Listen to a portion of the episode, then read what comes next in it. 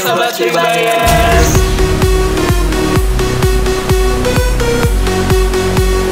Selamat datang di Kibaki Business School Podcast.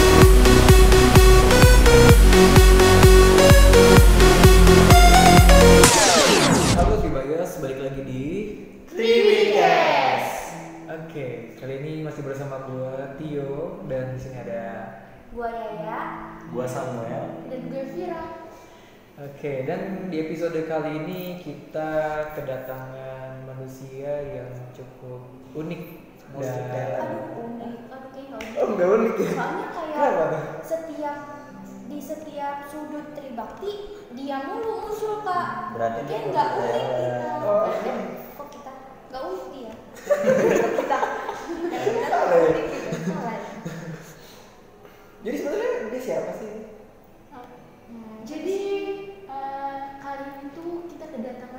Bintang tamu yang luar biasa banget. Bintang tamu dari mana sih? Dari mana? Yang pasti bintang tamu ini salah satu mahasiswa Tribakti juga. Dia ini anggota Badan Eksekutif Eksekutif Mahasiswa. Dan hmm, bisa dibilang dia ini adalah orang yang paling semangat. Semangatnya tuh tinggi banget gitu. Semangat dan sibuk ya? Serba bisa. Bisa dikatakan manusia serba bisa. Multi talent ya. Multi talent. Multi talent ya. Dan salah satu anggota Tribikis juga ya? Iya. Kita mau wawancara yang anggota kita sendiri Deh, kita pulang aja kak. Amit. Yaudah Belum soalnya. Oh iya, yaudahlah kita langsung sambut aja. Siapa lagi ya? kenalan. Iya Oke, eh, Hai gua Rizky Hidayatullah, MDM. Sudah ada gelar ya? Ngamuk Ya, ya. Oke, terus mau ngapain? Kita Pulang. Ya udah yuk. Oh, Kenalan terus mau ngapain? Oke, di sini kami akan menghujani Anda beberapa pertanyaan. Hujan. Hujan. Nah, di lagi. Hujan. sih. Iya, hujannya. Kayak butuh. Eh, kode. Ya. Oke. Jadi eh, kita mengundang salah satu personil kita sendiri untuk di interview. Iya, dan dikasih beberapa pertanyaan Eh, karena orang ini tuh dia sangat apa ya sangat berkecimpung sekali dalam kegiatan-kegiatan kampus seperti BEM terus Ormawa juga mungkin hampir semuanya diikuti nama dia deh. Oke, eh, untuk pertanyaan pertama kita bakal menanyakan eh, sejak kapan sih eh, Abang Rizky ini Ah, Ah, bang. Itu bukan abang. apa Ah, bang. Om Rizky sejak kapan? Sejak kapan sih eh Kak Rizky ini uh, Kak aja ya lah yang lebih asik Iya. Iya. oke sejak kapan sih Kak Rizky ini eh, ikut tergabung dalam badan eksekutif mahasiswa dan gimana sih ceritanya Kak Rizky ini bisa sampai menjadi ketua BEM gitu? Dan sangat difavoritkan mungkin ya dulu Uh, nembak. Oke, eh, saya ikut ketua BEM eh, dalam Badan Eksekutif Mahasiswa ini itu tahun 2017. 2017 itu saya ditarik oleh kemahasiswaan untuk membantu bidang sekretaris. Bidang sekretaris Badan Eksekutif Mahasiswa terus itu tahun 2017 2018 ya terus 2018 2019 saya mencalonkan sebagai ketua BEM dan saya masuk menjadi wakil ketua BEM terus 2019 2020 orang pada bilang mahasiswa semester akhir itu jangan ikut namanya organisasi soalnya berat. Tapi saya mematahkan kata-kata itu. Saya bisa ikut organisasi, saya bisa mendapat nilai yang sempurna, bisa dibilang. Dan tugas-tugas saya dalam organisasi dan juga perkuliahan selesai. Itu yang saya eh, saya capai atau goal saya. Dan akhirnya saya mendapatkan ketua BEM 2020 sampai 2021 ini juga saya mencalonkan sebagai ketua BEM juga tapi tidak eh, lolos karena voting yang sedikit. Ya mungkin karena sudah tua juga kali ya dan gua harus juga istirahat jadi ya udah gua harus istirahat gitu. Itu sih eh, kenapa gua tertarik sama BEM karena dari dulu itu eh, di SMP sampai SMK itu sering banget ya, ikut organisasi. Ya tapi masih introvert. Jadi masih bener-bener nggak mau kenal sama orang nggak mau berdiskusi. Kalau misalnya kita lagi nga- ngajuin argumentasi terus tiba-tiba dipatahkan sama orang ya udah mundur gitu loh. Itu dia masih belum bisa untuk berkembang. Tapi pas kuliah ya udah harus berkembang masa iya mentok situ-situ aja itu sih yang sem- em, menjadi tujuan gue sekarang Iya, keren. Iya di Tribakti juga sih emang apa ya tempat buat orang-orang itu untuk berkembang ya, berkembang. Mengembangkan bakatnya. iya. Oke. Oke, selanjutnya Oke, eh, jadi gini Pak, aku mau ngasih pertanyaan. Kan badan ekse- eksekutif mahasiswa itu kan harus dituntut dan terlibat aktif ya dalam Hmm. setiap kegiatan. Jadi kakak Rizky juga, maksudnya pasti kan aktif aktif dalam semua kegiatan kan? ya Dan kakak Rizky juga mendapatkan IP yang terbilang sangat tinggi ya, empat. Bagaimana sih kakak Rizky itu memanajemen waktunya kakak Rizky antara BEM, Ormawa dengan belajar untuk mendapatkan Oke, Eh, gimana cara manajemen waktu? Eh, saat itu itu salah aspek sih saya mendapatkan namanya time management. Jadi coba saya kembangin time management itu, jadi saya punya di dinding saya di langit-langit dan dinding saya itu punya namanya tujuan. Jadi saya pakai note eh, hari ini hari ini hari ini ngapain. Terus di dinding saya itu goal saya ngapain nih di semester ini saat kita bangun, saat kita eh, lihat ke langit, wah, oh iya goal saya harus ini, itu tujuan pertama. Dan coba dengarkan lagu-lagu yang benar-benar membuat kalian have fun.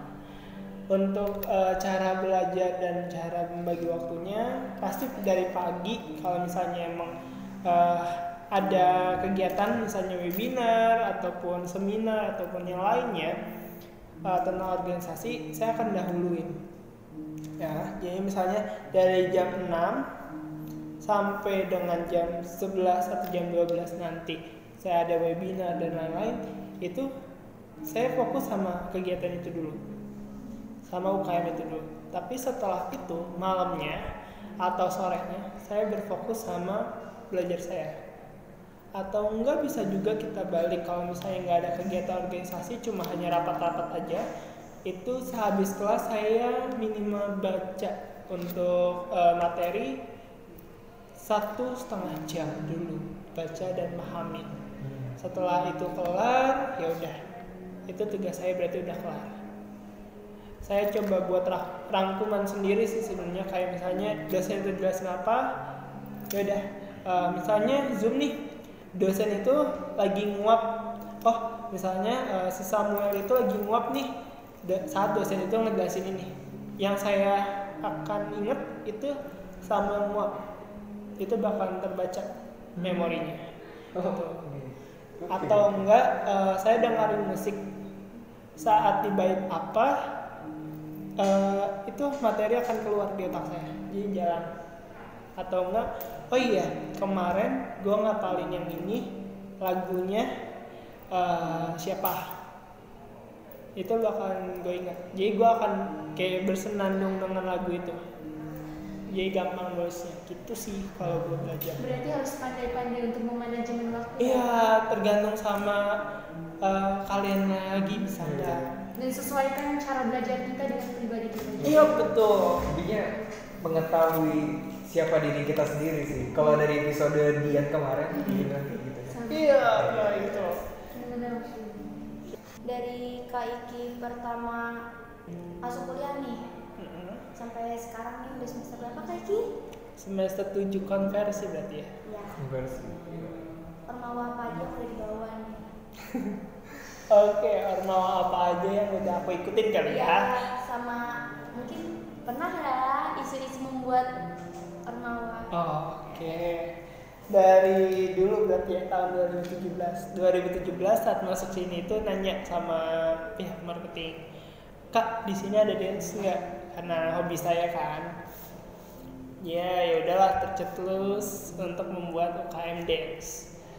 Awalnya itu nggak minat masuk organisasi lain selain dance. Karena saya udah kayak aduh kampusnya kayak gini bisa nggak ya gue berkembang di sini? Itu yang yang dalam benak aku itu kayak gitu. Jadi ya udahlah bikin UKM dance dengan 25 orang dengan sistem school ya udah coba dan akhirnya mendapatkan banyak juara. Sampai sekarang yang masih eksis juga adalah eh, namanya Tribidisi Tribakti Dance Crew. Kalau kalian bisa lihat di IG-nya Tribidisi ya. Ada aku. ya, ya ada Yaya juga ada gue juga ya. Sempat eh, nama kalau di eh, Tribisi itu namanya graduate. Gue sempat graduate di tahun 2020 kemarin saat gue lagi sidang jadi gue graduate karena gue harus fokus sama TA gue. Ini udah eh, nggak bisa berpikir panjang lagi sih sebenarnya. Kan gue nggak mau ninggalin Tribisi tapi gue nggak mau ninggalin tujuan yang akan gue capai buat nantinya. Udah itu. Terus yang gue ikutin dulu itu IMTI Ikatan Mahasiswa Muslim Tribakti sebagai humas. Sebenarnya sih nggak pinter-pinter banget agama tapi ya untuk merubah pasti kan ada jalan kan ya Iya. ya udah coba terus ikut lagi Banyak ya. Heeh. Hampir semua. hampir semua aku ikut lagi itu salah satunya ICC sebagai humas dulunya Tembus maju di BPH. Iya. iya Betul. Kalian bisa bayangkan terus ada basket gue jaga sebagai humas Eh, aku lupa sih sebenarnya apa aja. Terus eh, di tahun kedua semester 4 eh, itu aku ikut namanya eh, bikin satu KM lagi namanya KSPM Komunitas Studi Pasar Modal. Aku di situ menjadi founder pendiri juga dan juga sekaligus ikut dalam BPH sebagai bendahara terus ikut lagi di apa BEM pastinya sebagai sekretaris awalnya ada berapa ormawa sih? Ah, Mapala, mapala, mapala. Mapala pernah ikut sebagai anggota tapi kayak udahlah nggak usah. Ya maaf ya Mapala ya. Pernah ikut choir eh, pernah mau join karena nggak bisa terlalu nyanyi ya Oh. nggak mendalami nyanyi. Ya udahlah ya. Nggak usah. Eh coy jangan coy. Sebenarnya katanya pernah salah masuk Imam Kristi kan. Gimana tuh kayak ceritanya kan? Jadi gini guys. Pertama kali masih maba kalian tahu kan game COC ya maaf nih ya. Eh, nah terus Ima Kristi nawarin flyer. Besok COC ya. Main Oh, game. keren. main game dong. Kalau kita sebagai remaja besok main game nih. Wah kayaknya seru.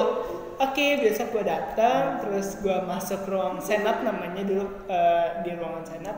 Gue masuk ruang senat duduk tuh semuanya melingkar. Oke terus gue tanya lu suka cocek? Suka. Oh oke oke. Gue gue makin penasaran kan? Terus eh, saat itu gue buka hp sendirian. Buka hp buka game itu. Eh, yang lain bilang ya udah eh, kakak-kakaknya bilang ya udah kita doa dulu ya. Kok mau main game doa? Gue mikir gitu.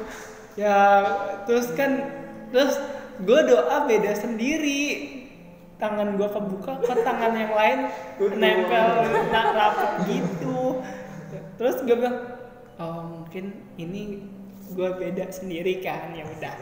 Terus pas oke eh, kita nyanyi ya. Hah, nyanyi? Kok makin sulit menurut gue? Ya udah pelan-pelan mereka nyanyi gue keluar. Dan gue ditanya lagi gue udah sempat masuk grup WA nya juga Ham- sampai gue ditanya eh, apa? Kenapa nggak ikut cewek-cewek lagi? Kak maaf saya Islam. Cewek-cewek cewek itu kebanyakan apa sih? Clash of Clans. Enggak, cewek-cewek yang Cewek. iya. Nggak tahu gue pada gue nah tuh oh, dia Iya. rada rada Jadi nangkapnya game ya. rada rada malu gue itu tahun pertama sampai ospek dikatain kayak gitu. Nih nih jangan sampai kayak dia ya salah masuk agama. Iya, iya, iya. pengalaman pahit bro. Ini gue mau nanya sedikit nih balik lagi soal BEM tadi. Kak Rizky kan sudah menjabat sebagai ketua. Otomatis ketua itu adalah orang yang tanggung jawabnya lebih besar daripada yang lain gitu kan. Nah gimana uh, salah satunya itu kayak menggayat atau mengajak orang-orang itu untuk ikut BEM gitu sebagai BPH-nya gitu dan setelah dia di BPH mungkin ada beberapa orang yang kayak susah untuk diatur gitu loh. Gimana sih cara kakak untuk tetap berkontribusi dalam hal itu walaupun anggotanya susah diatur?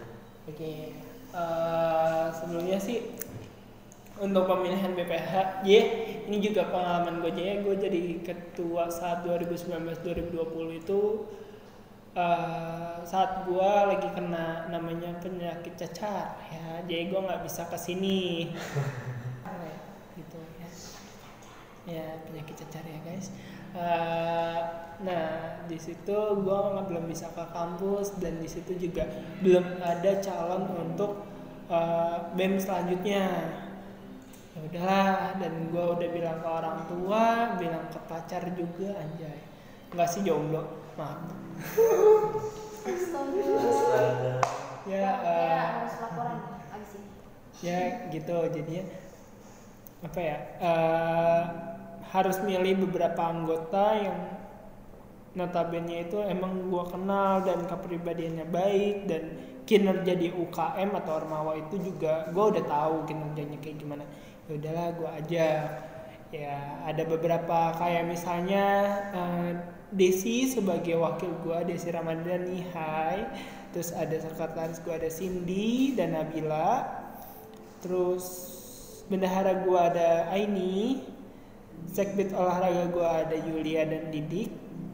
Untuk uh, sekbid sponsor gua ada Dian dan Sarah. Untuk sekbid alumni ada Hebi dan juga Ipo. Yang menjadi ketua BEM sekarang Saiful terus ada sekbid humas ada Theo dan juga Mutia. Itu orang-orang yang benar-benar menurut gua hebat. Kita li, eh, kita ngambil mereka itu bukan dari eh, mereka berjam-jam di kampus bukan. Tapi kit- eh, gua dan Desi juga ngambil mereka karena mereka bisa. Ah ini Hebi udah ikut gua di BEM itu selama satu tahun jadi kenal karakter gua yang tegas karakter gua yang kayak mak-mak kos sering ngechat. Nggak sih nggak sering ngechat sering VN tuh jujur ya guys. Ya dan Desi yang bisa sabar sama gua. Terus yang gua salut di daerah eh, sekbid gue di sekretaris. Mereka ngerjain proposal itu sampai jam 4 pagi dan mereka baru tidur dan besoknya harus kelas itu sih. Wow keren banget. Mereka mereka ini orang-orang hebat menurut gue dan mereka bisa ngatur waktu mereka tanpa mengurangi eh, IP mereka sedikit pun. Dulu itu sempat kita eh, berganti namanya apa ya kemahasiswaan. Sempat bergejolak kayak aduh gimana ya kemahasiswaan baru dan macam-macam tapi kita nenangin diri kita sendiri. Kita harus bisa survive lagi ke orang bahwa siapa pun itu nanti kita harus bisa bekerja sama. Tadi pertanyaannya apa? Ya, berkontribusi ya yang Iya. kalau misalnya malas-malasan. Untuk yang bermalas-malasan itu sebenarnya kita ada sanksi sama yang kedua juga kan sudah diturunin SK saya pernah bilang gini kalau kalian sudah diturunin SK ya gimana caranya? Apa pun keadaan kalian ya kalian harus survive dulu. Kalian harus berkontribusi kalian harus melakukan dengan hati bukan dengan uang bukan dengan apa. Tapi kalian dengan hati itu semua akan lancar semua akan bisa. Dan kalau misalnya malas datang rapat pertama nasehatin pastinya yang kedua nasehatin yang ketiga say goodbye kalau menurut saya gitu. Ya nggak ada kata orang itu eh, kita nggak bisa. Saya paling eh, saling paling nggak mau mendengar kata nggak bisa. Kita semua bisa asalkan ada kemauan. Nggak bisa dalam arti apa dulu. Kita belum mencoba apa kita benar-benar nggak bisa? Jadi kata nggak bisa itu sebenarnya konotasi eh, konotasinya ada dua. Jadi buat kalian kalau ngomong nggak bisa dengan jelas ya tuh jangan hanya nggak bisa doang. Ada lagi nggak? Dan mungkin eh, kata gak bisa ini jangan sampai terucap gitu. Bilangnya aja belum bisa. Supaya dari yang gak bisa tuh jadi bisa. Sekali. kayak ibarat doa. Be careful with your wish eh, your your apa? Suara apa sih? Voice. voice. Voice. enggak juga sih. Enggak jadi deh. Pasti kok gua makin puyeng ya oke lanjut guys Hmm, aku punya satu pertanyaan lagi nih Kak Iki. Eh, prestasi-prestasi apa yang udah Kak Iki dapetin gitu ya? Ya. selama di Tribakti Iya. Oh. prestasi apa yang aku udah dapetin yang berbentuk piala itu pastinya di UKM Dance atau Remawa Dance Tbilisi kita pernah juara satu juara tiga juara dua juara harapan satu juara harapan satu ju- Oh, juara empat dan juara tiga. Dan pernah eh, menang juga di lomba cerpen cerita pendek.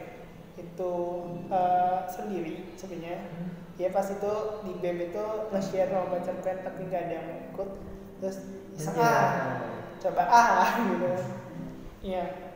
Jadinya ya udah aku eh, menangin itu semua dengan tim aku dan juga personal aku.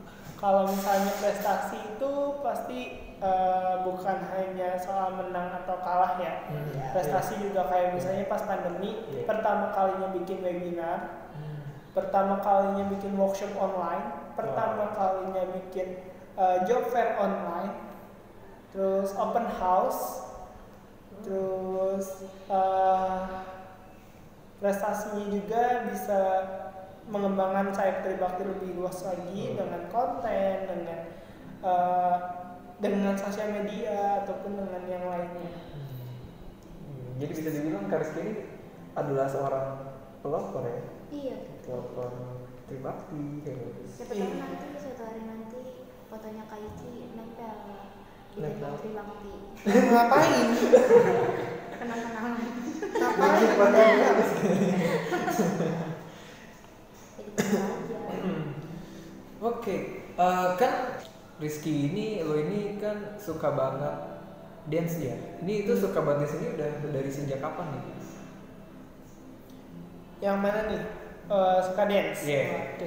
Suka dance aku dari umur 4 tahun. Oh my god. Ya, umur 4 tahun masukin sanggar nari eh, tradisional. Terus masuk dance itu yang modern itu tahun 2013 sampai sekarang. Sekarang. Berarti ada ada ada niat buat menjadi dancer profesional. Buat dancer profesional sebenarnya enggak, Oh, tapi kalau untuk ikut-ikut aja kayak misalnya kemarin Asian Games, Hmm. The Dance Icon ataupun yang lainnya itu bisa sih ikut-ikut aja gitu. Kenapa sih lo lo mau untuk eh, ikut ikut BEM dan memajukannya, terus ikut berbagai macam perlawa dan memajukannya? Kenapa sih lo pengen banget gitu memajukan sesuatu gitu? Oke. Apa tujuan lo? Eh, dalam hidup kita punya harus tantangan. Tantangan bukan hanya eh, setelah kita capai selesai, tapi tantangan pasti ada yang baru dan ada yang lebih sulit. Dari tembok satu sampai tembok yang lainnya harus kita selesaikan ya eh, kenapa gue pengen memajukan yaitu gue tidak berpuas diri atas apa yang gue capai tapi gue mau mencoba yang lebih lagi. Eh, kalau misalnya dibolehkan eh, kayak misalnya BEM udah Ormawa udah terus juga student ambassador juga udah. Gue pengen eh, suatu hal yang lebih eh, survive lagi lebih tantangan lagi lebih eh, tembok yang lebih besar lagi untuk gue hancurkan eh, untuk mencapai tujuan atau goalsnya lagi. Setelah itu gue akan mencari tantangan baru. Karena gue mau menularkan tujuan-tujuan itu atau goals-goals itu kepada adik-adik gue itu jadi bukan bukan hanya kita selesai tujuan terus kita sudah selesai. Bukan. Banyak orang yang menginginkan seperti kita atau lebih dari kita. Gue selalu berpesan bilang gue mau adik-adik gue itu lebih dari gue gue bisa segini kalian harus lebih besar dari gue gue bisa mencapai ini kalian harus lebih bisa mencapainya. Itu sih. Setelah kita bisa itu semua eh, orang pada mikir oh iya ya ternyata dengan kita survive kita tahu diri kita itu batasannya sampai mana. Semua orang pasti ada batasan. Nggak mungkin nggak ada. Keren. Aku juga mau kasih pertanyaan. apa tuh Ya, Kak Rizky, apa sih kendalanya gitu dalam menjalankan kewajiban sebagai eh, anggota BEM dan juga ormawa? Oke, kendala. Kendalanya itu yang pertama susah bagi waktu ke teman-teman apa ya, ke teman-teman tongkrongan sebenarnya. Yang kedua, keluarga yang saling ditinggal. Sempat keluarga aku bilang gini, "E, kamu itu di rumah kayak ngekos atau kayak WC umum, dibilang gitu.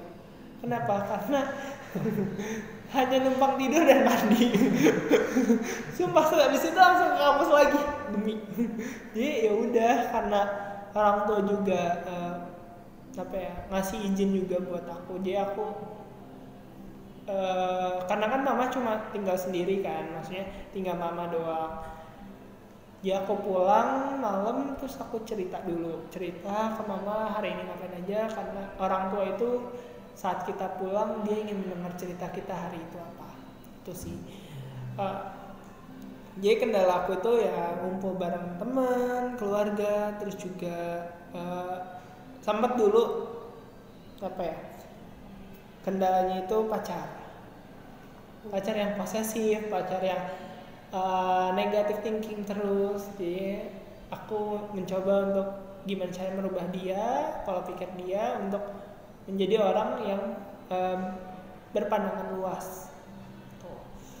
Terus yang keempat mungkin kayak eh, apa ya finansial pastinya.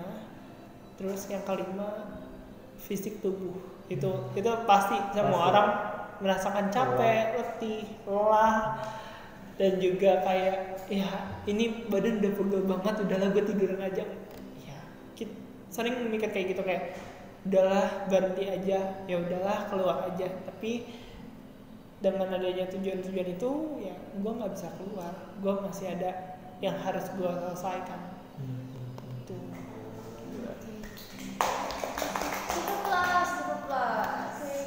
iya ada lagi Kayaknya itu aja ya pertanyaan-pertanyaan.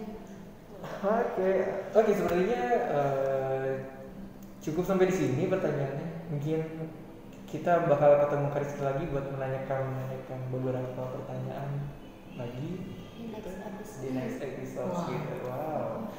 Oke, eh, teman-teman Tribuyers, eh, jangan lupa buat dengerin terus podcast kita dan juga episode yang lainnya yang dijamin kalian bakal menemukan banyak makna-makna kehidupan ataupun apa pun lah di situ. dan insya Allah bakal banyak eh, value di dalam pembahasan setiap episode podcast kita gitu. Oke, eh, Dan jangan lupa juga untuk follow akun Instagram Tribecast di Instagram dengan nama Tribakti underscore podcast. dan jangan lupa juga untuk follow uh, Instagram utama Tribakti di @tbbusinessschool dan jangan lupa untuk follow sosial media kita yang lainnya. Oke. Dalam pertemuan ini kita menemukan beberapa pelajaran yang sangat penting bagi kehidupan. untuk kalian-kalian tribike eh, tribuyers ya Tribuyers. Eh, jangan patah semangat. Kalau kalian dikucilkan anggap saja itu eh, hanya angin belaka. Tetap survive tetap belajar tetap semangat dalam menjalani hidup ini. Terus juga tetap eh, mengembangkan sayap kalian lebih luas lagi. Dan mendapat pujian dari orang itu adalah satu apresiasi yang sangat menguntungkan buat kalian. Ya dari gue sih itu aja. Ya semoga aja coach gue eh coach nggak kata-kata gue ini bisa mewakili kalian-kalian yang lagi survive Untuk sahabat Tribuyers juga, eh, kita tuh harus mampu untuk mendorong sesama kita untuk lebih maju lagi. Seperti Kak Rizky yang selalu mendorong anak-anak Tribakti untuk lebih maju dan bersemangat lagi. Oke dan uh, terima kasih Kak Rizky telah hadir di acaranya sendiri. Nah iya bingung ya gua. oh iya ya bingung hai Oke, uh, sampai jumpa di episode selanjutnya. Bye. bye